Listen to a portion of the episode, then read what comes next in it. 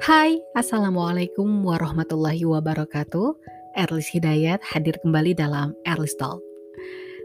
Hari ini, tepatnya malam hari ini ya, teman-teman, saya akan membacakan um, salah satu buku. Ada buku yang saya sudah baca tapi belum selesai sih sebetulnya. Ini buku karya Dr. Ahmad Farid uh, yaitu Tazkiyatun Nafs atau penyucian jiwa dalam Islam. Nah, yang menarik karena yang dibahas adalah hati. Ini menjadi reminder buat saya pribadi untuk terus memperbaiki hati menjadi lebih baik dan tentu meminta kepada Allah agar ini juga menjadi jalan ya agar Allah memberikan hati yang selamat kepada saya atau kolbun salim. Nah, malam hari ini saya akan bacakan uh, judul Jalan Masuk Setan ke Dalam Hati. Ini adalah bagian judul yang ada dalam buku karya Dr. Ahmad Farid, Tazkiyatun Nafs, Penyucian Jiwa dalam Islam. Semoga bermanfaat. Uh, saya akan sampaikan ini kepada teman-teman jalan masuk setan ke dalam hati. Hati ibarat sebuah benteng, sementara setan ialah musuh yang selalu ingin memasuki agar bisa menguasai dan mengendalikannya. Tak ada yang mampu menjaga benteng dari serangan musuh, kecuali dengan menjaga pintu-pintunya, jalan masuknya, dan celah-celahnya. Jelas, orang yang tak mengetahui pintu-pintunya, ia tak akan bisa menjaganya. Oleh sebab itu, menjaga hati dari bisikan-bisikan setan ialah sebuah kewajiban. Sementara itu, mengusir setan hanya bisa dicapai dengan cara mengetahui jalan-jalan masuknya. Karena itu, mengetahui jalan-jalan masuknya merupakan suatu kewajiban. Jalan-jalan masuk setan berikut pintu-pintunya ialah sifat-sifat hamba yang jumlahnya amat banyak. Namun demikian, eh, di dalam buku ini hanya dipaparkan pintu-pintu setan yang besar di jalan-jalan yang tak pernah menyempit lantaran banyaknya tentara setan. Di antara pintu-pintu setan yang besar ialah marah dan syahwat. Marah adalah malapetaka bagi akal. Jika tentara yang bernama akal lemah, tentara setan akan menyerang. Selama manusia masih marah, setan akan menjadikannya bahan mainan seperti halnya anak kecil yang memainkan bola. Pintu setan yang berbahaya lainnya ialah iri dan tamak. Hmm. Selama manusia masih tamak, ketamakan tersebut akan membuatnya buta dan tuli. Sementara yang mampu mengetahui jalan masuk setan ialah cahaya mata hati.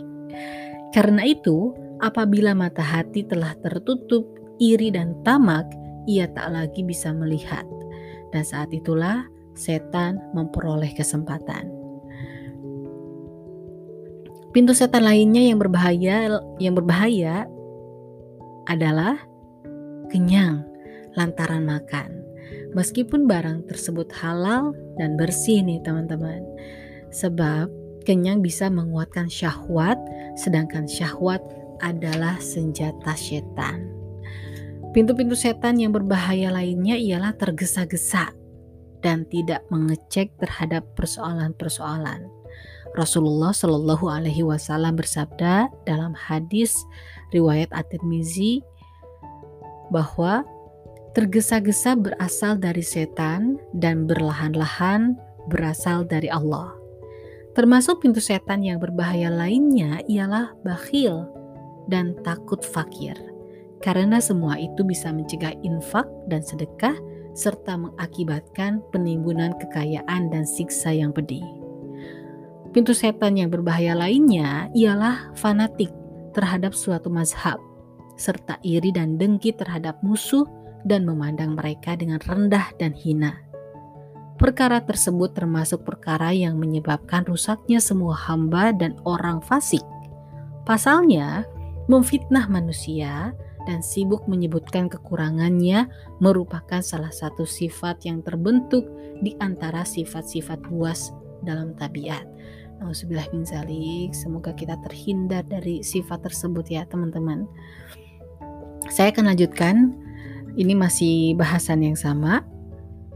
Uh, Allah Subhanahu wa taala berfirman dalam Al-Qur'an surat Al-Hujurat ayat 12, "Hai orang-orang yang beriman, jauhilah kebanyakan prasangka atau kecurigaan karena sebagian dari prasangka itu dosa." Ini sering kali barangkali kita mendengar ayat ini ya. Orang mumin menuntut maaf, sedangkan orang munafik menuntut celah. Apabila Anda bertanya, apa obat yang bisa mengusir setan? Apakah cukup dengan zikir kepada Allah? Dan ucapan orang, La haula wa la quwata illa billah. Ketahuilah, obat hati yang terjangkit penyakit-penyakit tersebut ialah menutup jalan-jalan masuk ini, yaitu dengan membersihkan hati dari sifat-sifat tercela yang hal ini sudah dibahas sebelumnya. Jadi tidak boleh terlalu tidak boleh uh, kekenyangan uh, meskipun makanan dan minuman itu halal ternyata itu yang membuat uh, pintu jalan jalan masuknya setan begitu ya teman-teman. Masih di judul yang sama saya bacakan lagi. Jika pokok-pokok sifat tercela yang menjadi pintu masuk setan ini dibersihkan dari hati setan tak lagi bisa menggoda.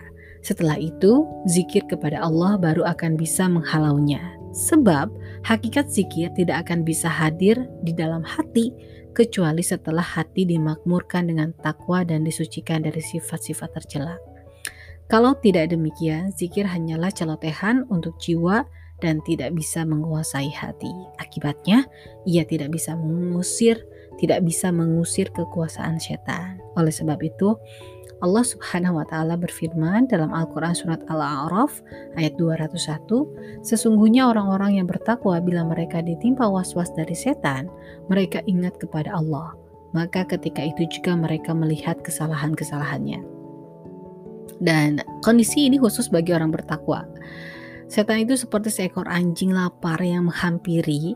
Bila kita tidak mempunyai daging dan roti, ia akan menyingkir. Sementara kalau kita berkata padanya pergi hanya sekadar ucapan, kita juga bisa mengusirnya jauh-jauh.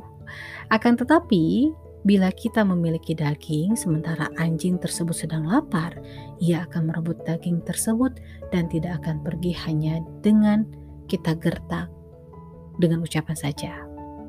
Begitu pula hati, Bila ia sunyi dari makanan kesukaan setan, setan akan menjauh hanya sekadar dengan zikir.